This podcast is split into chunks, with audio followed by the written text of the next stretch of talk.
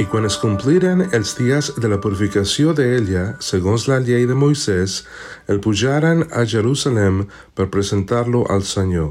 Tal com està escrit en la llei del Senyor, tot mascle que obri la matriu serà anomenat sant per al Senyor.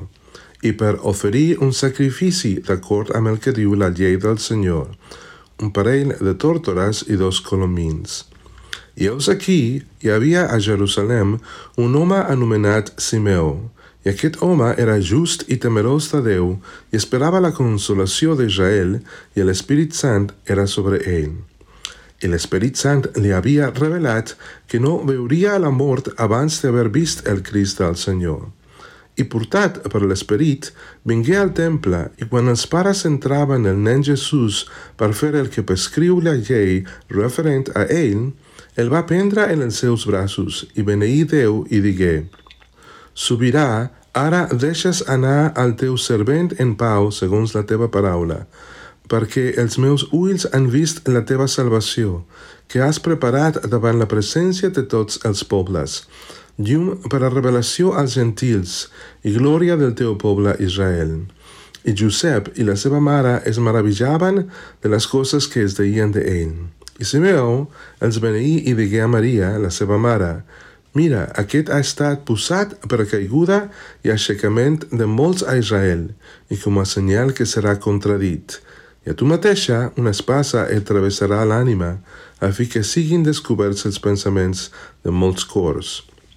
I hi havia també una profetessa, Anna, filla de Fanuel, de la tribu de Aser, d'edat molt avançada, després de la seva virginitat, havia viscut set anys amb el seu marit i era viuda d'uns 84 anys i no s'apartava del temple servint nit i dia amb dejunis i pregàries. I en aquell mateix moment ella va pujar i donava gràcies al Senyor i parlava de ell a tots els que esperaven la redempció a Jerusalem. Hola i benvingut al podcast de Ciutat Nova, una església protestant al barri 22 arroba de Barcelona.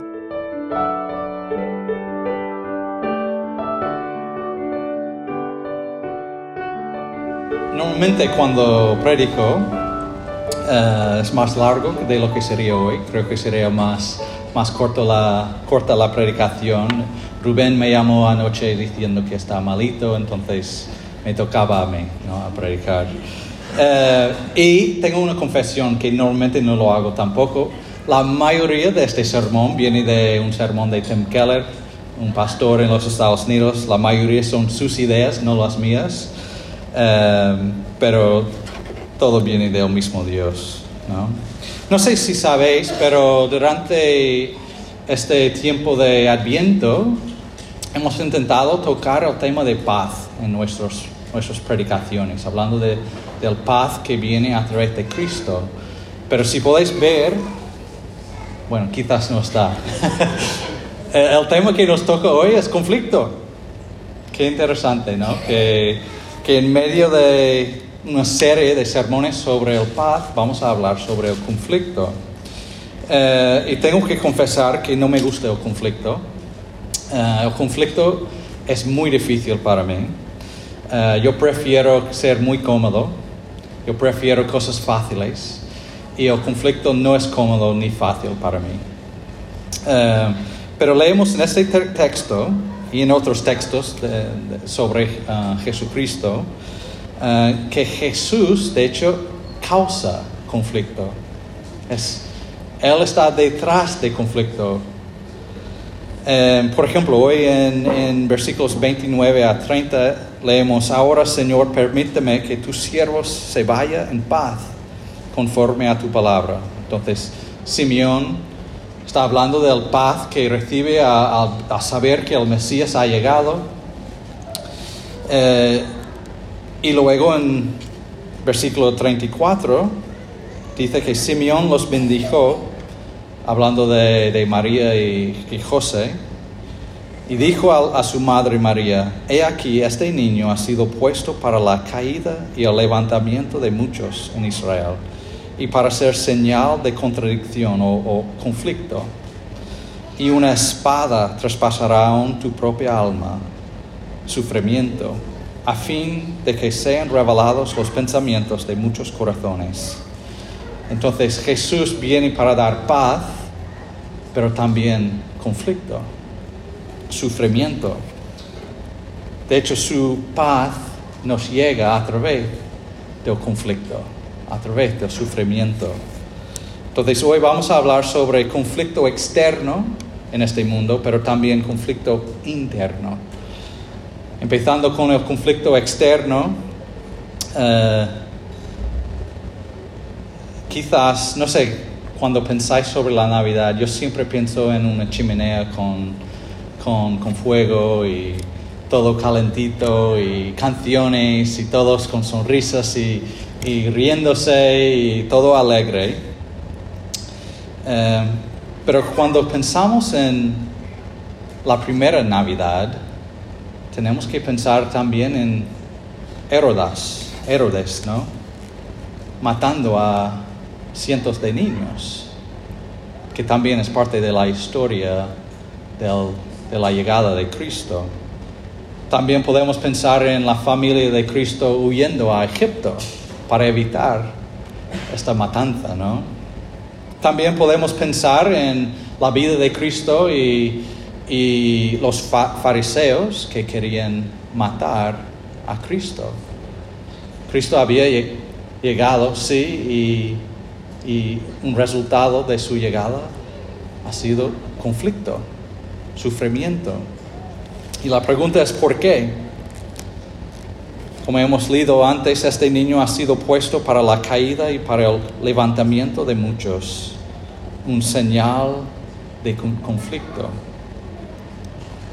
Bueno, yo creo que muchos querían matar a Cristo porque Él se afirmó que era Dios, un hombre, diciendo que es Dios. También afirmó que lo que crees sobre Él depende todo en tu vida. Tu destino eterno depende de lo que crees sobre Jesús. Eso es lo que se dijo sobre sí mismo. Él afirmó que es más importante que todo, más importante que tu dinero, que tu familia, de tus hijos, de tu trabajo, tus amigos. Él decía que Él es más importante. Él requiere nuestra adoración y lealtad completa. Debemos todo a Él. Y Él habló de sí mismo así. Y no nos gusta esto. La, realidad es, hoy en día queremos ser más neutro sobre Él. Queremos decir cosas como, Jesús, Jesucristo era un hombre muy bueno, un hombre de amor. Y sí, lo era. Pero cuando decimos que solo era un hombre bueno y no fijamos en los detalles, en la realidad de quién era, no tenemos que someternos a este hombre bueno. Pero sí, si Él dice que es el rey de reyes y señor de señores, sí tenemos que someternos. Lo que tenemos que hacer es leer la Biblia, lo que dice la Biblia sobre Él, y no crear un Cristo de nuestras imaginaciones.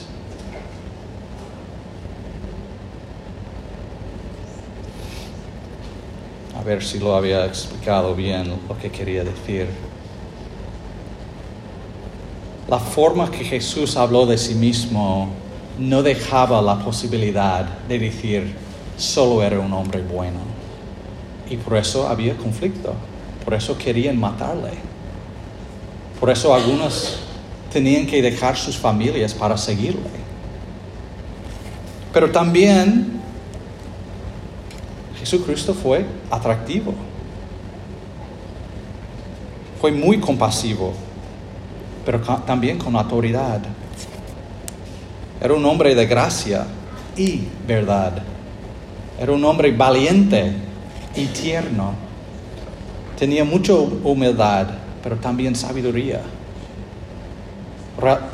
Entonces la pregunta es si realmente conoces a Jesucristo, al, Cristo de la Biblia. Tenemos que odiarle por quien era o entregar todas nuestras vidas para seguirle. Si no elegimos uno o el otro, si no elegimos o odiarle o seguirle con todo, no creemos en, en el Jesús de la Biblia. No creemos en el Jesús de la historia. Creemos en un mito.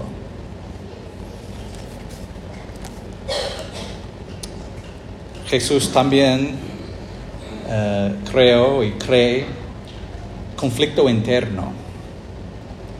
Un pastor de hace unos siglos, J.C. Ryle, J.C.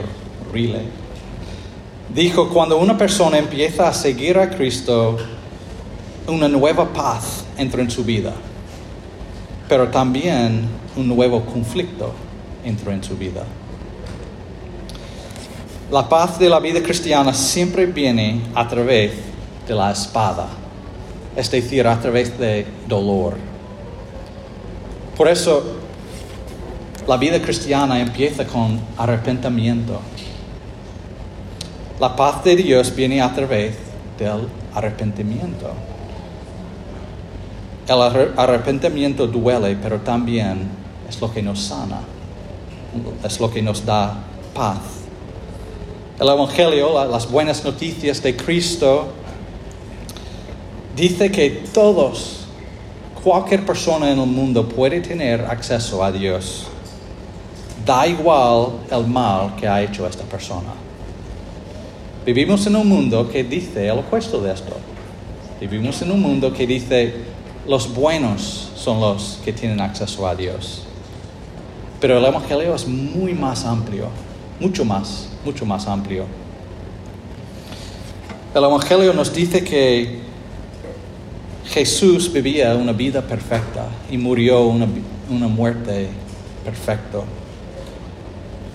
Y cuando confiamos en Él y seguimos a Él, Dios nos trata como nosotros hubiéramos hecho y sufrido todo lo que hizo y sufrió Cristo. Es decir, que estamos aceptados por Dios basado no en lo que hemos hecho nosotros, el bueno ni el malo, sino basado en el récord de Cristo. Y quizás estás pensando, pero esto es demasiado fácil. Y si lo piensas es fácil, no lo has pensado bien. Es muy difícil. Para hacer esto tienes que admitir que eres egoísta y no sabes cambiar de ser egoísta. Tienes que confesar que necesitas perdón y el poder de cambiar y que tu única esperanza es el perdón de Dios en Cristo. Es decir, es una confesión de, no puedo hacer lo que tengo que hacer. Estoy culpable. Soy egoísta y necesito un perdón que solo Dios me puede dar. Y a través de este, este dolor de admitir nuestra bancarrota ante de Dios, nos trae la paz de una relación restaurada con Dios, reconciliada con Dios para la eternidad.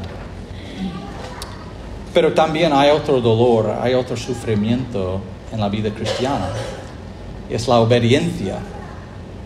Seguir a Cristo es, decir, la, obediencia también nos trae conflicto interno. Si alguna vez has intentado elegir entre la obediencia y caer bien con los demás, es difícil. O elegir entre la obediencia y el confort o entre la obediencia y lo que es fácil, o elegir entre la obediencia y sufrir por seguir a Cristo, o elegir entre obediencia y, el rechazo de los demás. Es muy difícil, hermanos. Nos crea un conflicto interno tremendo. Nos duele seguir a Cristo. Seguir a Cristo es decir, seguir el camino de obediencia muchas veces parece un camino de conflicto y sufrimiento, pero siempre es el camino de paz. Es decir, cuando estamos obedeciendo, cuando estamos siguiendo a Él, el primer paso es difícil, pero nos trae la paz al final de todo. Pero el desobedecer es el opuesto. Nos promete una vida fácil y feliz, pero al final de todo nos trae nuestra propia destrucción. Entonces, seguir a Cristo siempre trae conflictos y sufrimiento. Pero si levantamos nuestra vista, podamos ver, podemos ver que es el camino de esperanza, es el camino de la paz. Entonces, quiero animarnos a seguir a Cristo i recibir la paz que Él nos da. Gràcies per escoltar aquesta predicació. Si tens preguntes respecte al seu contingut o vols tenir una conversa sobre l'Evangeli, no dubtis en contactar-nos. Escriu-nos o visita'ns a www.cn22.org.